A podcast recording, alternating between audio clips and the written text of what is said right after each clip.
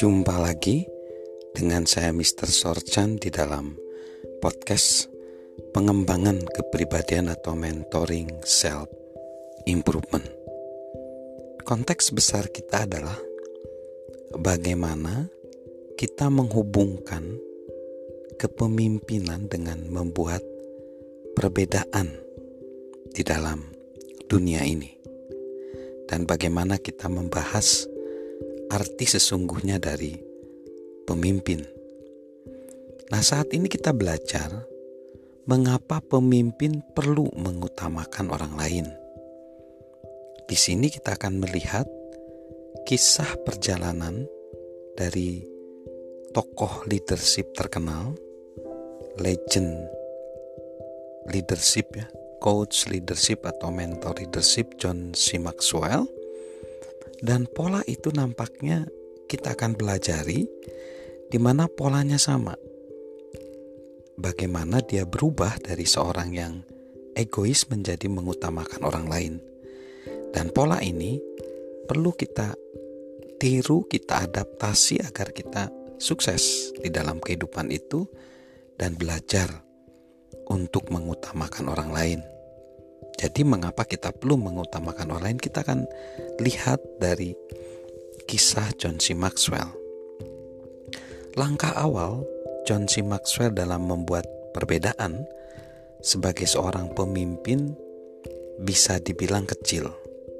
Dia memulainya pada Juni 1969 saat dia lulus dari perguruan tinggi, menikahi kekasih SMA-nya yaitu Margaret dan menjabat sebagai pastor di lingkungan komunitas kecil ya, di pinggiran Indiana. Komunitas itu dikelola uh, oleh dikelola dan diberi nama Hilham. Itu ada di sebuah desa yang cuma punya 11 rumah, dua garasi dan satu kelontong. Kecil banget. Dan dia punya harapan besar dan energi tak terbatas. John C. Maxwell siap membantu orang-orang, jadi dia terjun ke dalamnya. Dia melakukan pertemuan pertama di komunitas Silham yang hanya dihadiri tiga orang, dan dua orang di antaranya adalah istrinya Margaret dan dia. Namun, dia tidak berkecil hati. Dia memandangnya sebagai tantangan dia mulai melakukan apa yang dia bisa untuk membantu orang-orang dalam komunitas itu. Dia mengunjungi orang sakit, menawarkan konseling, mengundang orang-orang menghadiri dari pertemuan komunitasnya dan mengajarkan pesan yang dia anggap dapat memperbaiki kehidupan mereka. Dia melakukan itu benar-benar ingin menambahkan nilai kepada orang lain. Lalu istrinya Margaret dan dia menghabiskan tiga tahun yang menyenangkan di Ilham. Dia menyukai orang-orangnya, belajar banyak, dan mereka bekerja keras. Ketika mereka menerima eh, jabatan sebagai pemimpin itu, dewan yang bekerja sama dengan dia memberi dia gaji paruh waktu karena hanya itu yang bisa mereka bayarkan. Tetapi kata mereka, mereka mengizinkan John C. Maxwell untuk mencari pekerjaan tambahan. Tetapi istrinya Margaret menentangnya. Panggilan hidup kamu adalah memimpin dan mengembangkan komunitas ini. Dan itulah yang akan dilakukan, katanya kepada Dewan dengan kepercayaan diri wanita yang pada waktu itu berumur 20 tahun. Saya akan melakukan pekerjaan tambahan.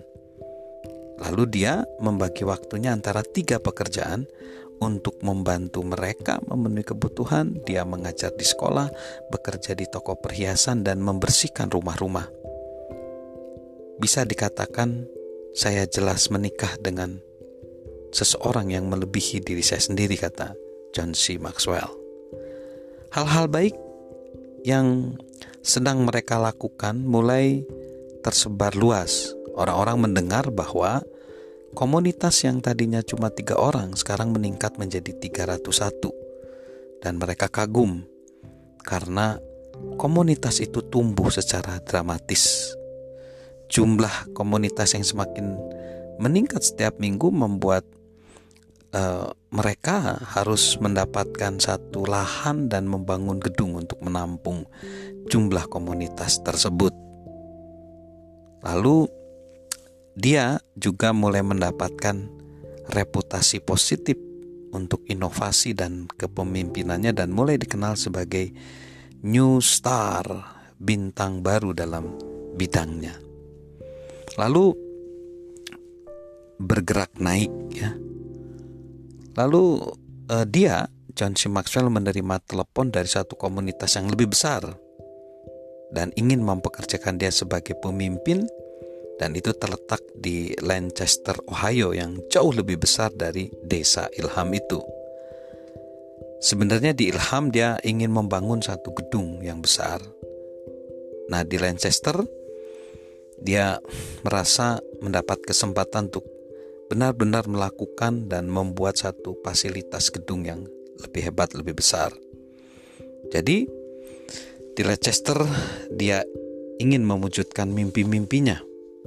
Lalu dia uh, berusaha untuk memberikan dampak yang lebih besar, tidak butuh waktu lama. Uh, komunitas itu tumbuh lebih besar daripada dan juga sekaligus fasilitasnya dan mereka bisa membeli satu lahan uh, kepada lelaki tua yang bernama Charlie dan kali pertama menemui pemilik lahan itu dia berkata aku ingin sekali meninggal di sini. Jadi ya udah.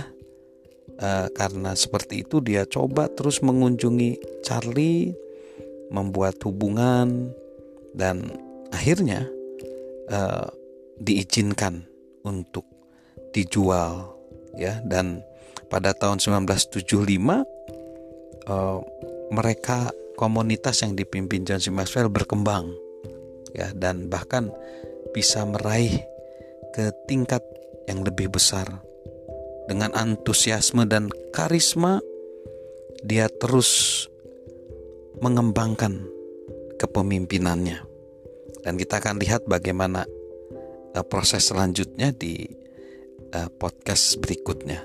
Jadi salam untuk belajar ya mengutamakan orang lain dari saya Mr. Sorchan